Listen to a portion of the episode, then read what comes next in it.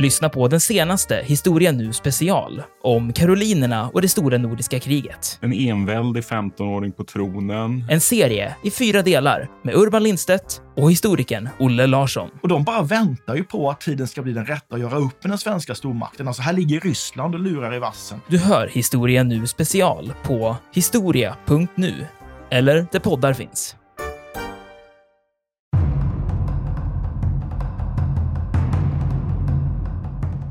Men sen har du några intressanta aspekter. Ett av de största problemen med Viggen och anledningen till att man förlorar en hel del av de här flygplanen, det är ju för att, man, att det sugs in massa fåglar i flygplanet.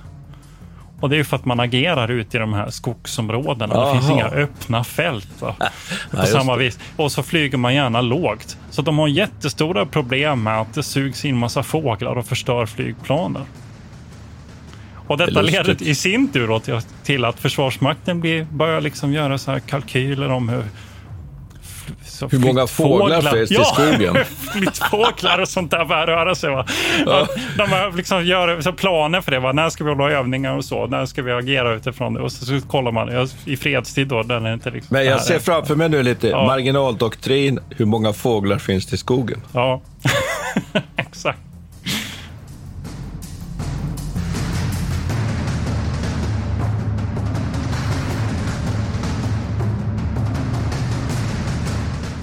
Militärhistoriepodden är podden om krig med människor och samhället i fokus. Programledare är Martin Hårdstedt, professor i historia vid Umeå universitet och Peter Bennesved, doktor i idéhistoria.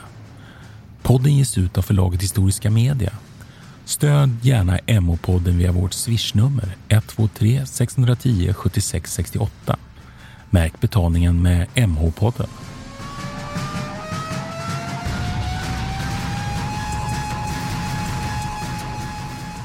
Välkommen till Militärhistoriepodden. Jag heter Martin Hårdstedt. Och det här är Peter Bennesved.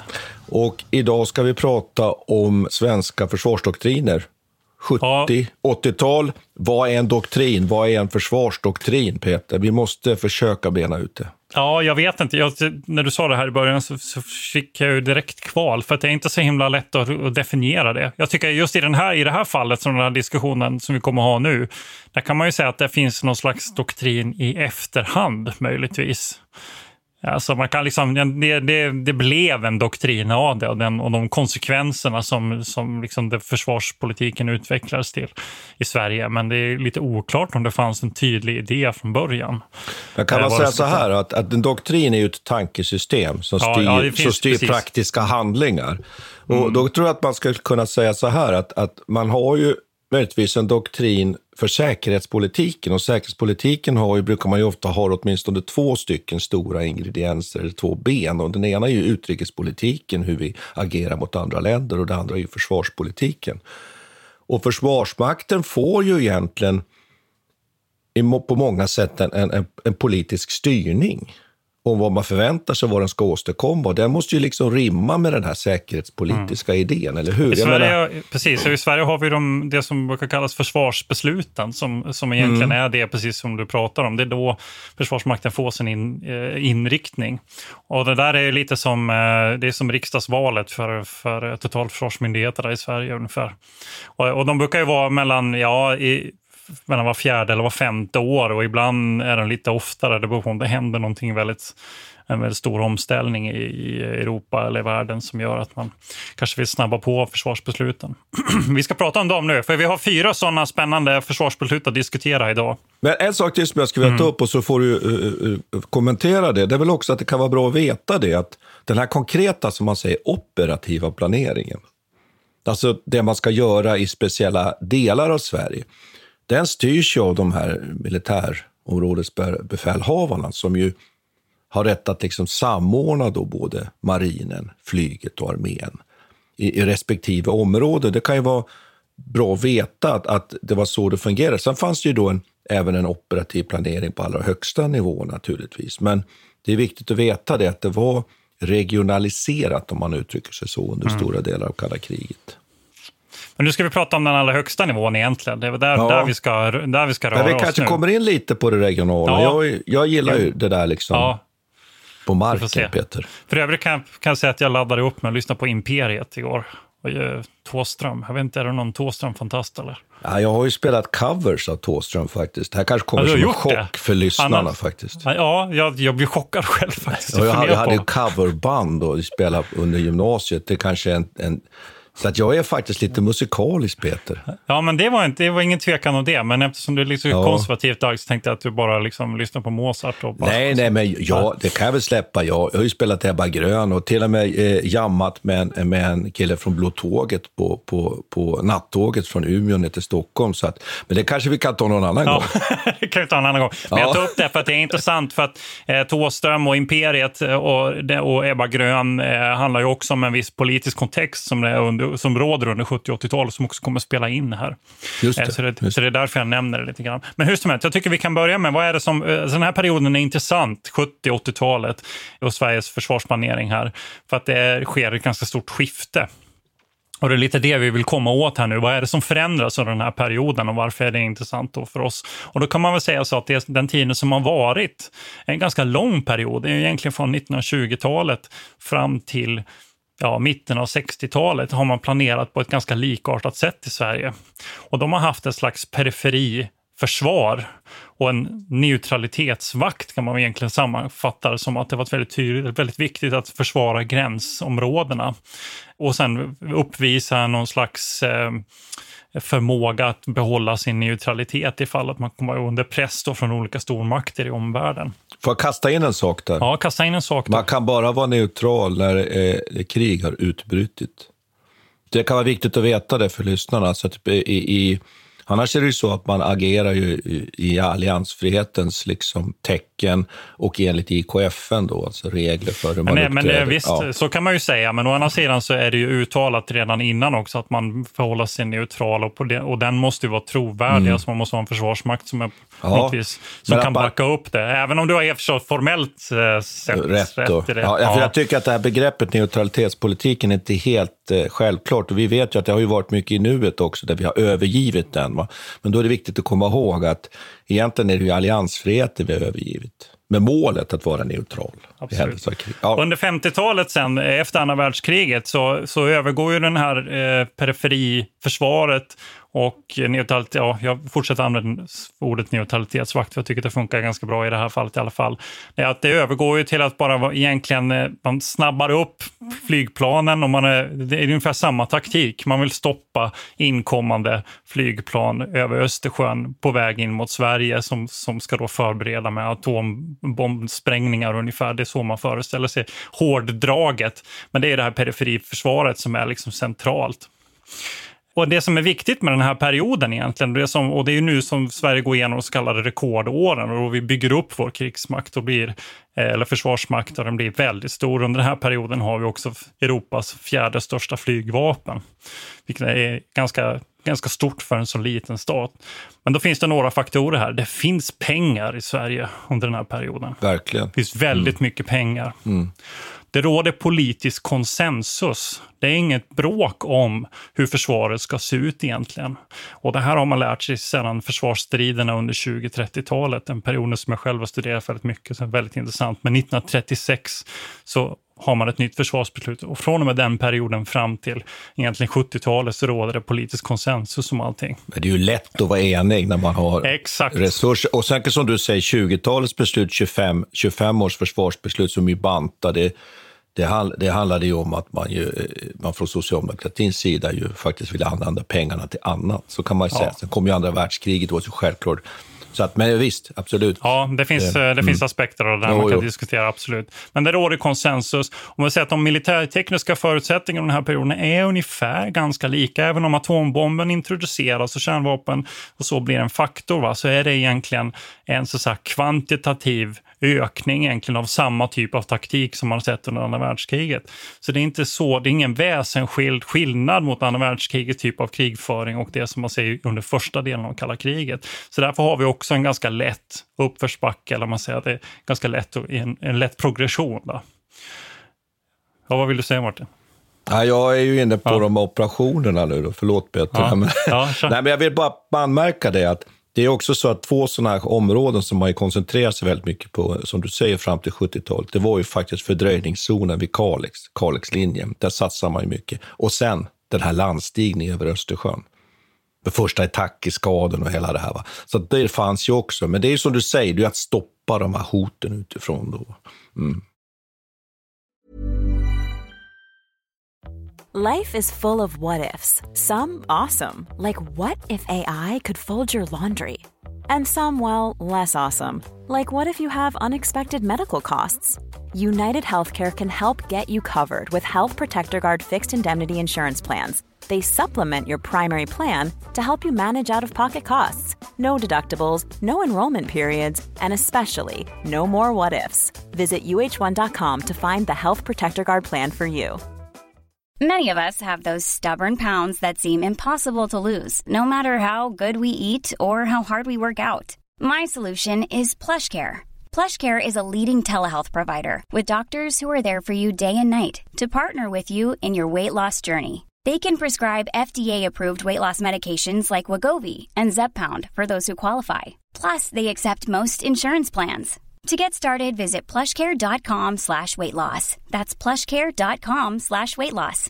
This is Paige, the co-host of Giggly Squad, and I want to tell you about a company that I've been loving, Olive and June. Olive and June gives you everything that you need for a salon quality manicure in one box. And if you break it down, it really comes out to $2 a manicure, which – is absolutely insane. It's also so easy to get salon worthy nails at home with Olive and June. The difference between how your nails used to look when you did them yourself and now with the Manny system is a complete game changer. The best thing about Olive and June too is it's a quick dry. Dries in about one minute, lasts for five days, and full coverage in up to one to two coats. Visit oliveandjune.com slash perfectmanny20 for 20% off your first system. That's oliveandjune.com slash perfectmanny20 for 20% off your first system. System.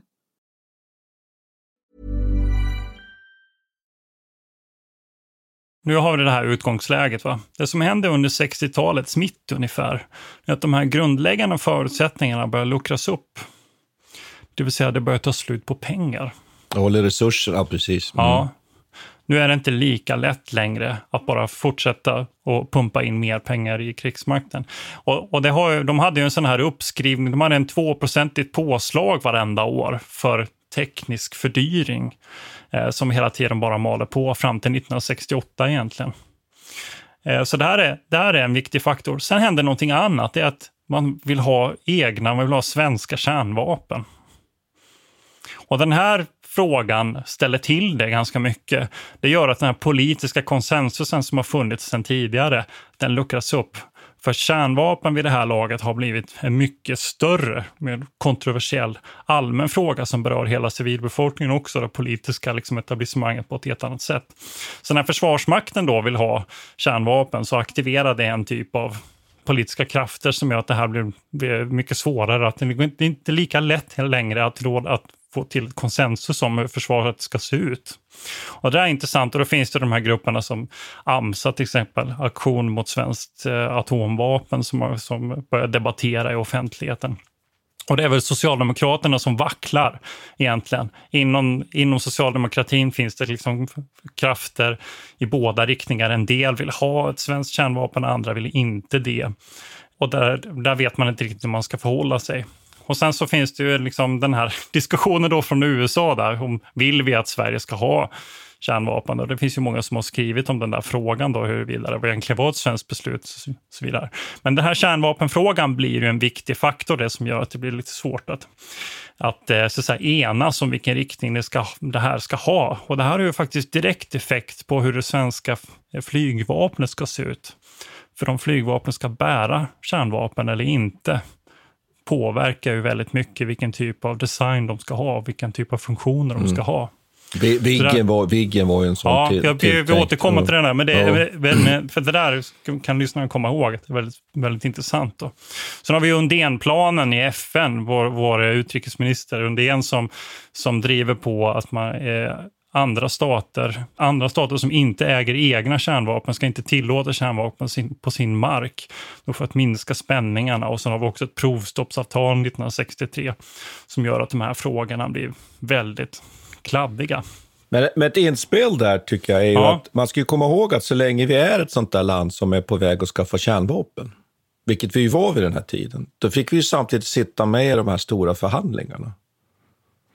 Och det kan man ju fundera lite kring där, att när vi sen då väl bestämmer oss för att deklarera att vi kommer inte skaffa kärnvapen, då hamnar vi också utanför den där kretsen. Så, att, så att det kan Men den, liksom... den, eh, den, frågan förutsätter också att det var ett svenskt val.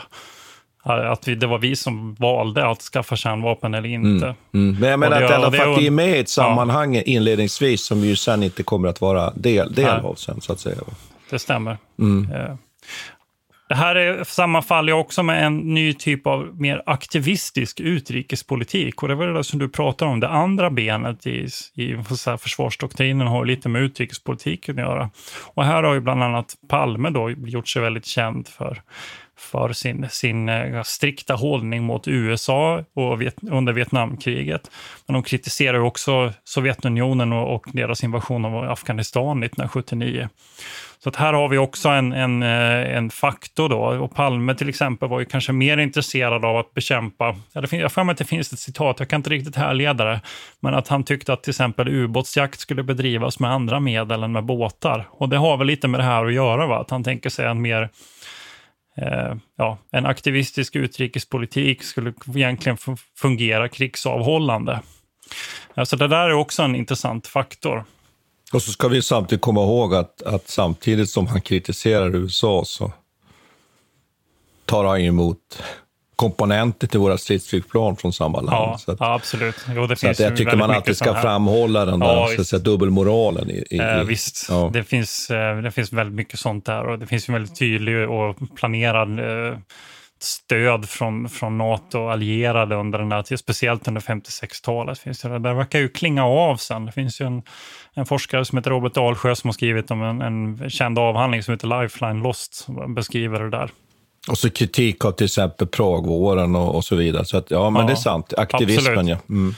Det är, det är eh, viktigt. Okej, okay. och vad får det här för konsekvenser för Försvarsmakten? Ja, nu är det fyra eh, viktiga försvarsbeslut som gör den här under 1970 och 80-talet. Och kan man säga att alla de här pekar mot en sak, det är nämligen neddragning. Så man kan, man kan ju ifrågasätta då huruvida det här faktiskt var så att säga, ett doktrinskifte. Eller om det bara var helt enkelt en kamp om resurser. För det man gör det är att man, man, slutar, mm. att, man slutar ge den här liksom inflations eller pengen som de har fått hela tiden. Så att man får behålla, man stannar liksom, fryser ramen för Försvarsmakten under början av 70-talet. Och det här har ju förstås att göra med ekonomin också, hur den ser ut. Det fanns helt enkelt inte mer pengar att stoppa in här.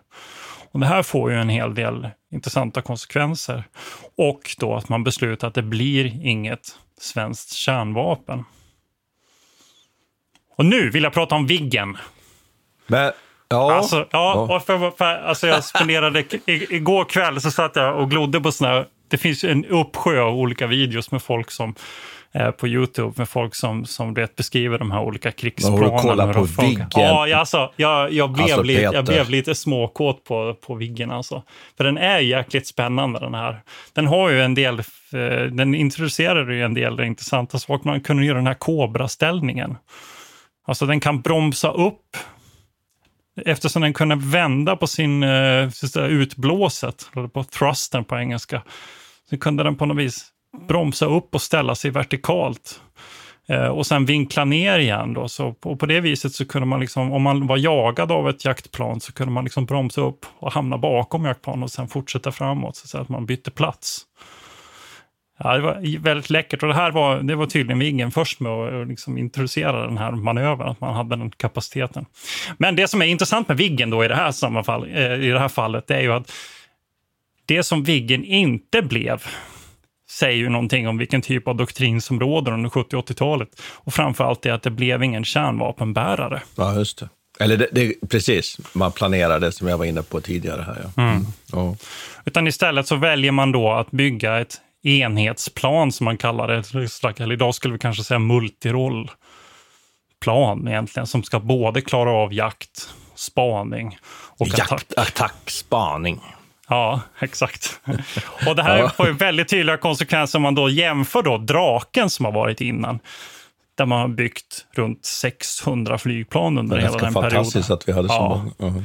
Och sammanlagt har man väl runt 800 plan tror jag som är aktiva, bland annat tillsammans med Lansen. Då. Men Viggen bygger man bara runt 300, ungefär en likvärdig period. Och det säger ju någonting om, om hur ambitionsnivån ser ut. Och det har ju att göra med, man hade tänkt att man skulle bygga ungefär 600 Viggen, men man har bara råd med 300. Och då gäller det ju att anpassa kostymen efter rollen egentligen. Mm. Mm. Viggen har ju en intressant... Ja, vill du... Nej, alltså jag, jag, vet inte om jag förstör nu resonemanget, men jag tänker ju också så här att, att det, det, är precis som du säger, du pratar ju om den här trenden att du drar man ner på resurserna och Viggen är ju ett uttryck för det som du säger, va? eller hur? Ja. Men sen börjar man ju för, så att säga, på något sätt också försöka rationalisera, för det här svenska försvaret ska ju på något sätt man måste ju på något sätt lösa nu problemet att vi inte har riktigt lika stor försvarsmakt. Nej, exakt. Det är det jag menar med att man måste anpassa kostymen här. Exakt, efter. ja. Man liksom och då gör man det färre plan. Ja. Men också, vilket också i tänkandet, och det är egentligen ganska fascinerande då, att man så att säga, om man är lite elak här, så hittar man ju då på olika lösningar. Man säger till exempel så här att ja, men i händelse av ett krig kommer ju inte Sovjet att sätta in hela sin krigsmakt mot Sverige. Eller hur? och det där kan man ju fundera i det oändliga på, att det är ju den här så kallade marginaldoktrinen då, att man liksom kalkylerar med eh, Kommer Sovjet att sätta in bara en begränsad del och hur stor den begränsade delen blir väldigt hypotetiskt. Och man förstår ju naturligtvis logiken i det där, för det är väl ganska självklart att, att, att precis som Finland ju inte var huvudmålet för Sovjets eh, offensiv 1944, den tyngdpunkten låg i Centraleuropa naturligtvis. Men så kan man ju liksom fundera på, är det väldigt mycket efterkonstruktion för man har inte ja. råd? Alltså, eller hur? Och sen ja, tycker jag, och jag måste få framföra en kritik ja, kör, där också. Kör, det är kör, inte jag då, utan, utan det, det kan man tillgodogöra sig i de som har analyserat det här naturligtvis. Att, men om nu Sovjet bestämmer sig för att anfalla Sverige, tänker man inte då från Sovjetisk sida att då ser man ju till att man har de resurser som krävs för att ta Sverige? Så det finns ju någonting där som haltar i den där marginaldoktrinen, eller hur? Jag tycker att du är väldigt kritisk nu, Martin. ja, men kan du inte försöka, då får du försvara. Nej, men jag håller med dig, jag håller helt det är ja, precis ja, det som, man är, jag är i alla fall misstänksam. Ja. ja. men det är precis det som är problemet med den här marginaldoktrinen, tycker jag. Och det, och det är ju det som ger den här lite karaktären av efterkonstruktion. Va? Att man ja, för visst håller du med om att... Ja, att man, absolut. Ja, helt, helt klart. Det är just det som jag vill komma till här, att man syr kostymen efter den pengen man har, så att säga. Att det, man, man, man, kan, man kan inte bygga mer, man kan inte få kärnvapen och man har inte mer pengar till 600 eh, Viggen som man hade önskat sig, utan då gäller det att anpassa även själva doktrinen efter det efter den formen som man har. Va? Och det här neddragning sker ju också inom marinen till exempel. Eller flottan. Man säger att ja, men vi kan inte försvara alla sjövägar längre utan vi ska ha mer skärgårdsförsvar. Vi ska, flottan ska skydda invasionsförsvar eller hjälpa invasionsförsvaret egentligen in i skärgården på ett annat sätt. Och det gör ju bland annat att man drar ner på den här ubåtsjaktskapaciteten. Så att det där ligger ju i bakgrunden. Och, det, det är, och sen ärver man ju en del strukturer från tidigare som kan även förstärka det här. Till exempel bas 60-systemet som man har byggt upp, eh, som är egentligen korta. Man ska ha små, korta landningsbanor utspridda över hela landet. Det var en del av, av kärnvapendoktrinen då, om man nu ska kalla det för en, en doktrin. Att, att flygvapnet skulle överleva initiala bombattacker genom att vara väldigt, väldigt utspridda och kunna landa var som helst. Detta byggs ju om sen till bas 90 som Viggen agerar i. Och det är egentligen samma sak. Och det här är, finns ett inspel här från 1967 också. Ja, 60-årskriget. Ja. ja, precis. Mm. Där det egyptiska stridsflyget slås ut på marken. Då, naturligtvis. Exakt. Mm. Ja, man tycker att det här ser ju, det är ju ett bevis för att tänkandet runt bas 60 var ju helt rimligt. Va? Men jag måste, bara, säga att, jag måste säga ja. att det där tycker jag ändå var väldigt li, listigt om man får uttrycka sig så. Det kanske inte är så vetenskaplig term. men, men, jag tycker List. att det där bassystemet är ändå, det, det tycker jag ändå tyder på den där svenska ja. kreativiteten. Att vi använder liksom det, vårt stora land och där det fanns krigsflygplatser och breddade motorvägar och så vidare. Och det är klart att det där hade, väl, hade ju naturligtvis ökat förutsättningarna för att skydda och rädda flygvapnet under en, en förbekämpningsfas i, i, ett, i ett tänkt sovjetiskt anfall. Det fick ju några intressanta konsekvenser. Dels, ja. jag, jag håller helt med dig. Det som är intressant är också att det är mycket värnpliktiga alltså, som, som sköter den där servicen för, oh, för de svenska. Oh, alltså, te den tekniska underhållsnivån är ganska, hålls ganska låg just av det här skälet, för att man ska kunna liksom täcka hela utrymmet och man behöver inte ha jättehög teknisk kompetens. Och sen har du ju några intressanta aspekter. Ett av de största problemen med Viggen och anledningen till att man förlorar en hel del av de här flygplanen, det är ju för att, man, att det sugs in massa fåglar i flygplanet. Och det är för att man agerar ute i de här skogsområdena. Aha. Det finns inga öppna fält. Va? På samma vis. Och så flyger man gärna lågt. Så de har jättestora problem med att det sugs in massa fåglar och förstör flygplaner. Och detta det leder i sin tur till att Försvarsmakten blir, börjar liksom göra så här kalkyler om hur hur många fåglar, fåglar finns ja, i skogen? flyttfåglar och sånt där börjar röra sig. Va? Ja. De liksom gör så planer för det. Va? När ska vi hålla övningar och så? När ska vi agera utifrån det? Och så, så kollar man i fredstid då. Den är inte liksom Men jag ser framför mig nu lite ja. marginaldoktrin. Hur många fåglar finns det i skogen? Ja, exakt. Alltså ja. det, det, det, där är ju något intressant. Och sen menar, och det är precis som du säger, den här förmågan, den väldigt kreativa, liksom, att lösa man använder liksom svenska landsbygden på det här sättet. Jag kommer jag, jag är född i Växjö och det var ju en sån här luftcentral stad egentligen. Och alla vägar ut, jag tror att jag att det finns fem stora vägar ut i Växjö och alla de där hade en sån här sträcka på ett par kilometer som var liksom breddad för att man skulle kunna, och så fanns det såna här hangarer vid sidan liksom på vissa ställen då, så man skulle kunna eh, landa med de här flygplanen där. Alltså, och det var ingenting man tänkte på när man var liten, men jag har liksom insett det sen i efterhand, att det var väldigt centralt för det där området. Mm. Nej, men det där, och det där tyder ju på, som, som vi redan har sagt, att man ändå i Sverige har anpassat sig tydligt och utnyttjat geografin. Och sen också att så småningom, eh, det här kanske lite längre fram i tiden, men att man ju också tidigt börjar inse att, att eh, en av arméns huvuduppgifter, den är ju att skydda de här baserna, flygbaserna.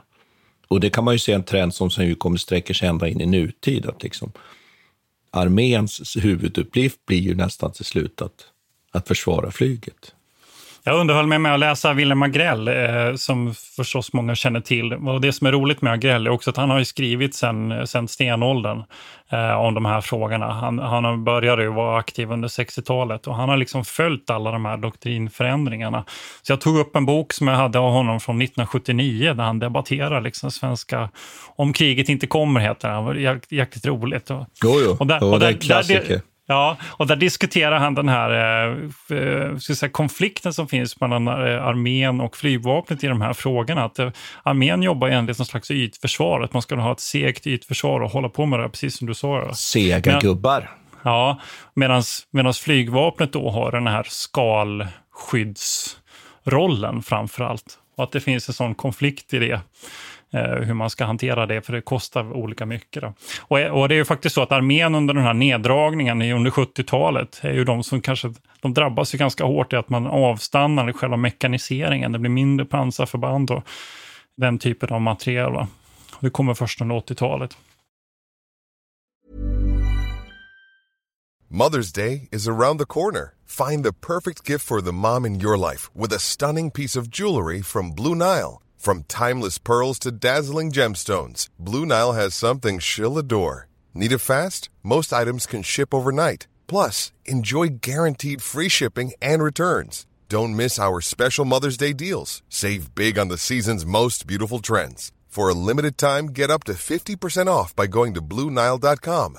That's BlueNile.com.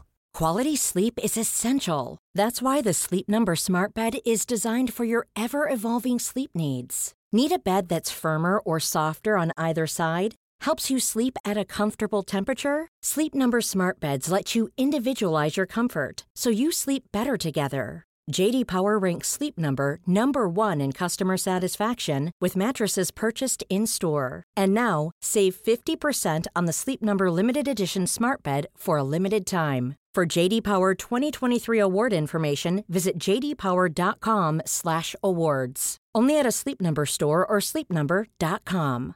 A lot can happen in the next 3 years. Like a chatbot may be your new best friend. But what won't change? Needing health insurance. United Healthcare tri-term medical plans are available for these changing times. Underwritten by Golden Rule Insurance Company, they offer budget-friendly, flexible coverage for people who are in between jobs or missed open enrollment The plans last nearly three years in some states, with access to a nationwide network of doctors and hospitals. So for whatever tomorrow brings, United Healthcare Tri-Term Medical Plans may be for you. Learn more at uh1.com.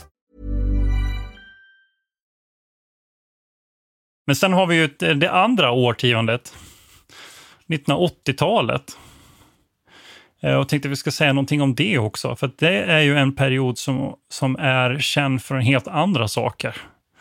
Eh, Whiskey on the Rocks, säger det Just det, ubåts... Eh, precis. Ja. Var, du, var, du, eh, var du involverad i det eller har du några liksom, minnen från den där perioden? Ja, alltså, jag ryckte ju in precis i slutet av 80-talet, så det är klart att jag, jag så här i efterhand när jag läser om de här sakerna som vi diskuterar nu så kan jag ju se vissa saker. Att, eh, att det påverkade även min, min eh, utbildning. Och en sak som jag minns då, och nu kanske jag går händelserna lite i förväg här, men det var att så småningom började man ju att gå ifrån det här statiska tänket att man skulle försvara. Till exempel överger man ju Kalixlinjen så småningom. Och man överger de här fasta utgångsgrupperingarna, utan man blir mer och mer inne på att man liksom ska hålla trupperna rörligt samlat för att kunna liksom agera mot en motståndare som är rörlig. Eh, och det kan vi diskutera små, strax här så småningom hur vettigt det var. Men jag minns en sak som vi övade mycket mot. Det var ju att fastställa och eventuellt eh, slå dem mot luftlandsättning. Så det var en sån här sak som kom, att man förväntade sig så att säga, ett sånt här eh, överfall, strategiskt mm. överfall. Med, ja, okay. Med, ja, med, ja, med alltså mm. dels ett frontalt anfall, om man uttrycker sig så, va? men liksom, man brukar kalla kanske ibland för dubbel omfattning. Att man dels försöker göra flankrörelser på, på, på marken, men också att man luftlandsätter på djupet. Och då kommer jag ihåg att en sån där uppgift som vi övade då, som jag var ju eh, eh spaningsplutonchef på en brigadspaningspluton, var just att fastställa luftlandsättning. Okay.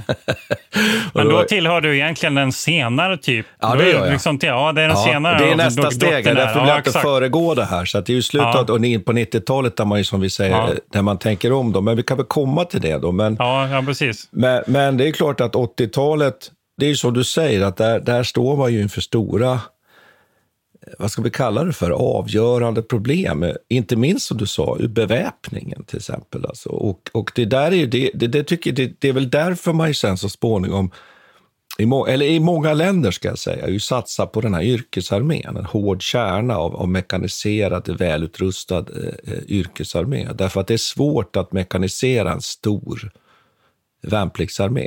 Om man inte är en diktatur som Sovjet. Då, men, men... men det är det de försöker göra. Sovjetunionen och mekanisera menar ju vi, hjälpa till ja, för precis. pansarfordon och så vidare. Ja, precis. Mm.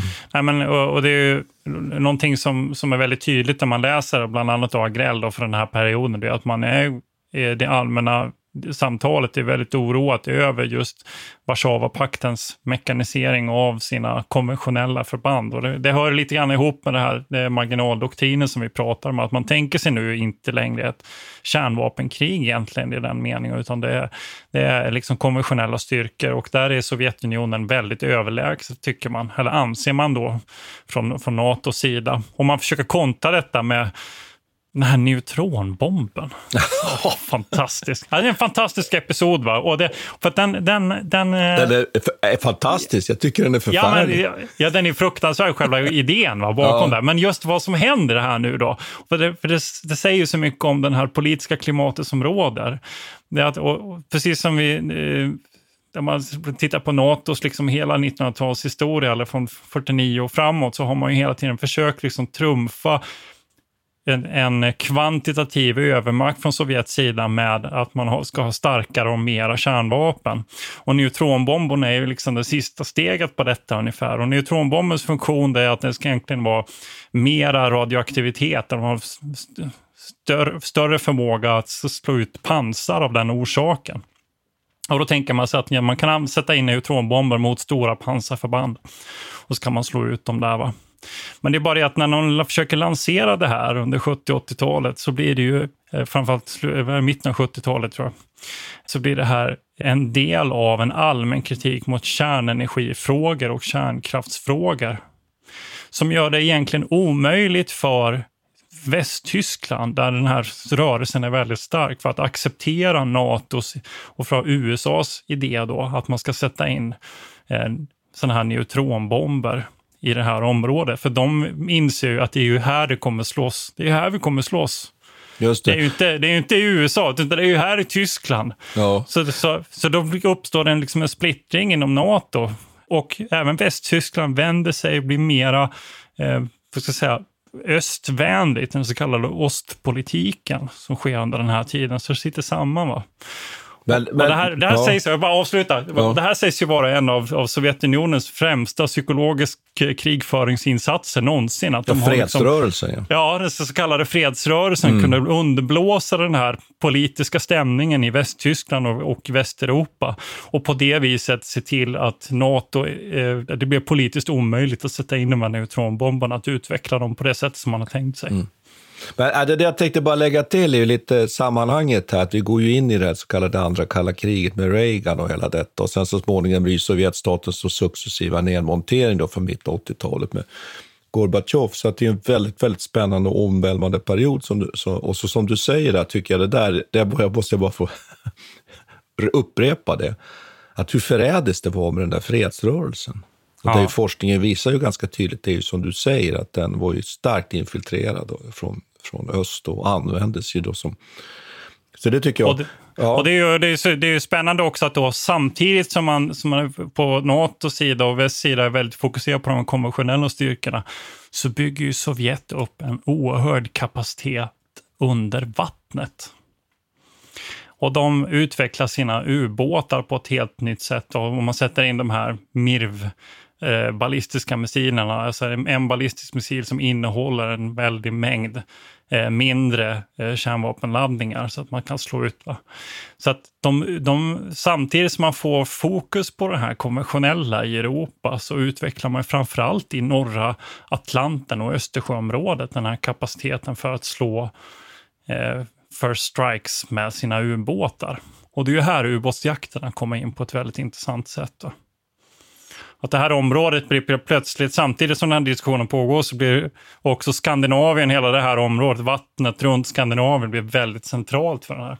Men, men, jag skulle ändå vilja föra in det där som jag var lite inne på här tidigare, att, att det är ju så att just in, under intryck av det här som du beskriver, den ökade sovjetiska förmågan som man ser i slutet av 70-talet, sista sucken skulle vi kunna uttrycka det, för vi vet ju sen att det kollapsar ju då så börjar man ju tänka på ett annat sätt när det gäller den operativa planeringen i, i, i Sverige. Jag var ju inne på det här. Man, överle, man överger då till exempel Kalixlinjen. Man har sådana här eh, grupperingsområden från vilka man ska samla, koncentrera trupper för att sen kunna avvakta och se och sen bedriva en form av manöverkrigföring mot ett sovjetiskt anfall då från öst. Och man faller tillbaka till Luleå älv istället för Kalixlinjen till exempel. Och, och det där tycker jag ju vittnar ju egentligen också om något form av oförstånd. Därför att hur ska man kunna, hur ska man kunna omgruppera om man sannolikt inte har luftherravälde? Till exempel. Va? Eh, det, det lärde sig ju tyskarna i Lassin och Normandie till exempel. De kom ju egentligen ingen vart. Därför att de allierade hade... Så det är den ena.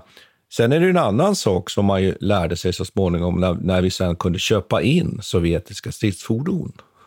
efter murens fall i början på 90-talet, som vi ju lärde oss på, på ett ganska skräckblandat, får man väl säga, sätt. Det var ju att de här stridsfordonen hade större framkomlighet än vad vi hade trott. Och det betyder ju att bedriva någon form av rörlig krigföring mot förband som tydligen tar sig fram på våra myrar, även på sommartid, hade ju varit en mycket, mycket svår uppgift. Och då hade det behövts liksom fältarbeten, och allt det som fanns i den här Kalixlinjen som ju var kraftigt utbyggd under 60 och, och till slutet av 70-talet.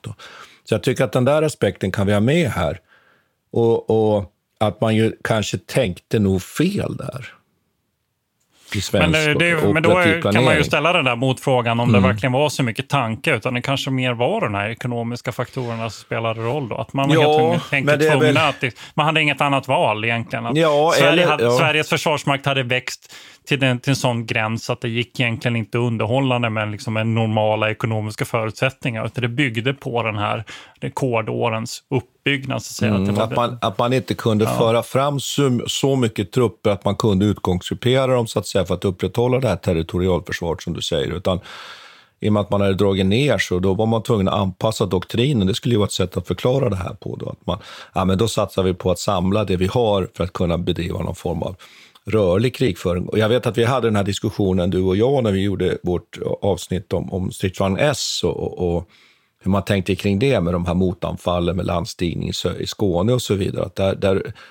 där fick man ju inledningsvis ju inte överhuvudtaget prata om att fördröja, men det, det kom ju sen att bli så istället. Att man föll tillbaka, så att man insåg att man kan inte vinna det där slaget på stränderna. Så att vi är väl inne på någonting här och det är väl att de här operativa planeringen är ju, ju kanske en självklarhet, men den har ju, så, har ju så tydligt påverkats av resurser, inte minst. Mm. Får man väl säga, eller hur? I början av 80-talet så får man ju faktiskt, då påbörjar man ju en ny eh, sån här eh, mekaniseringsförsök. Ja. Man, man, bestämmer sig för att man ska producera det som blir stridsfordon 90. Ja, som ju har varit en stor framgång får ju sägas. Ja. ja. Och för Hägglunds i Örnsköldsvik. Ja. Som har tjänat mycket pengar på detta. Och sen så, och, och så man beslutar också Gripen och man beslutar också om att skaffa, införskaffa en ny eh, stridsvagn. Ja, men det, det, här är, det här är beslut som fattas, så det, är inte, det är inte genomfört under tidigt 80-talet, men då bestämmer man sig för att okej, okay, vi måste göra någonting, vi måste öka liksom, den kvaliteten på våra förband. Men ramen behålls ju. Det är under den här tiden, man kan också säga det under 1970-talet fram till 80-talets slut så, så drar man ner på ungefär 10 000 anställda inom försvaret. Samtidigt så ökar kostnaden också, det är en annan faktor. Så här, för att man försöker lönekompensera för statligt anställda eh, så att de inte ska halka efter i, i lönetrappan så att säga, gentemot näringslivet.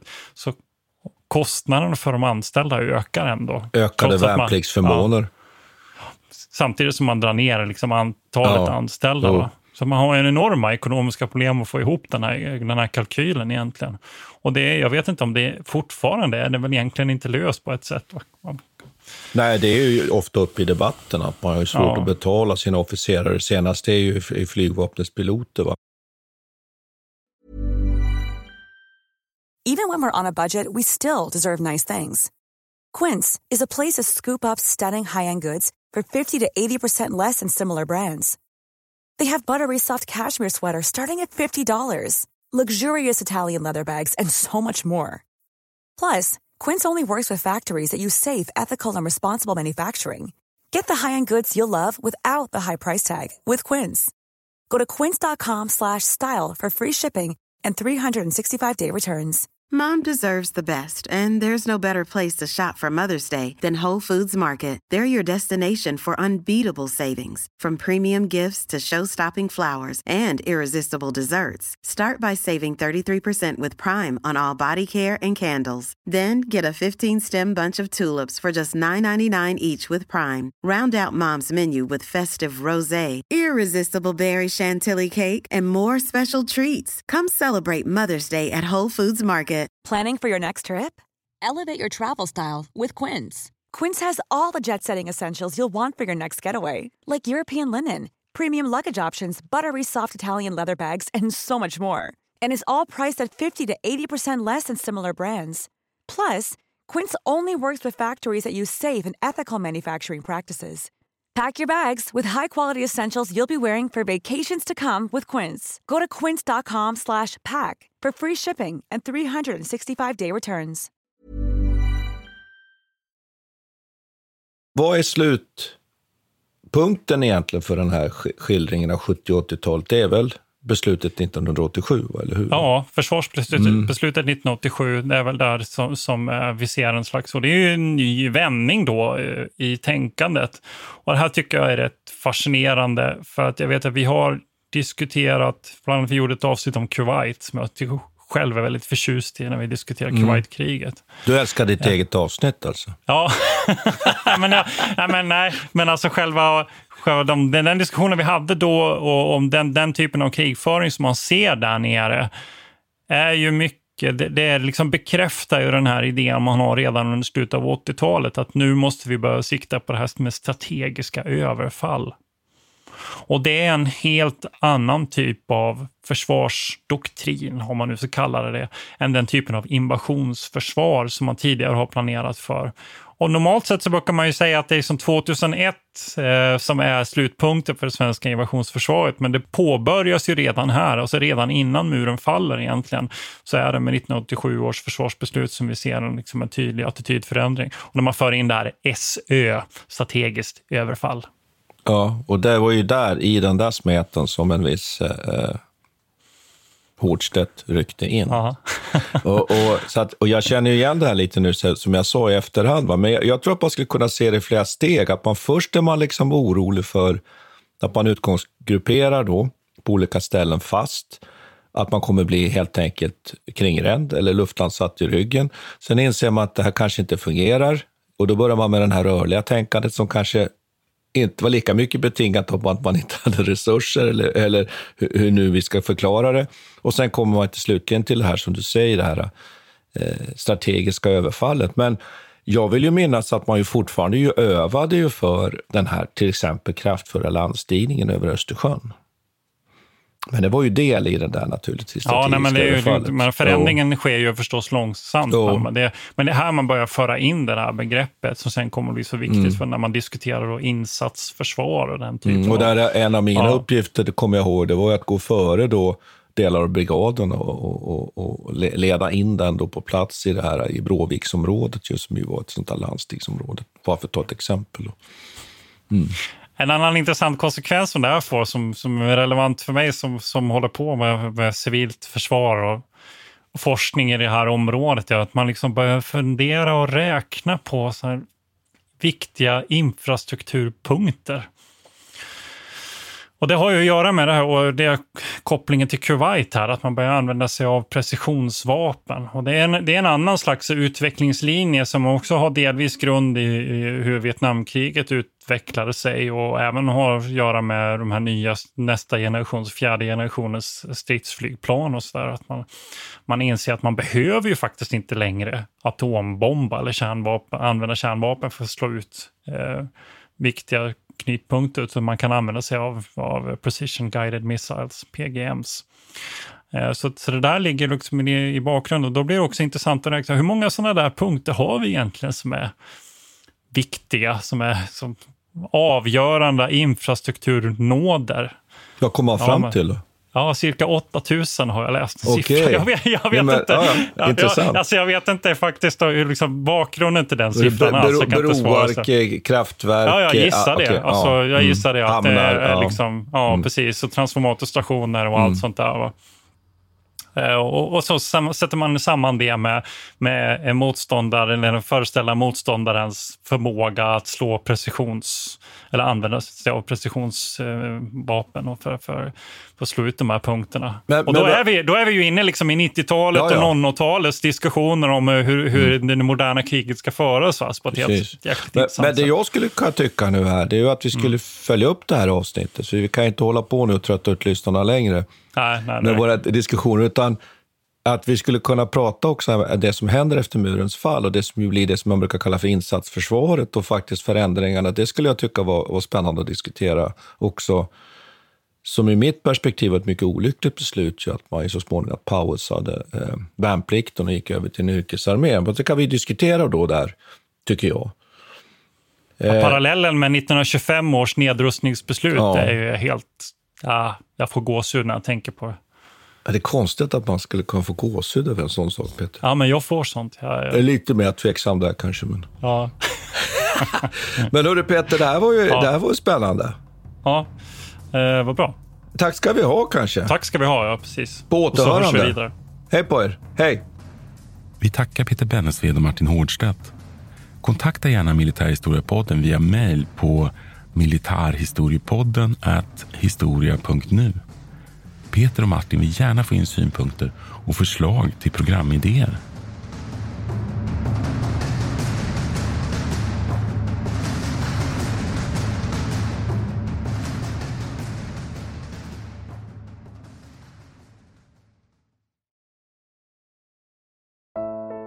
Iran har under 1900-talet genomgått tre omvälvande revolutioner som orienterat landet antingen mot västerlandets modell eller mot en auktoritär styrelseform.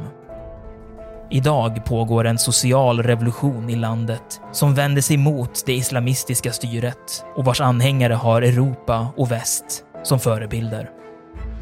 I en viktig bok ger idéhistorikern Mohammad Faslashemi en djupare förståelse för dagens dramatiska händelseutveckling.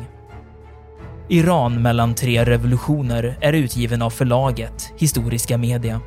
Beställ den fysiska boken på förlagets hemsida historiskamedia.se eller köp den i en bokhandel nära dig.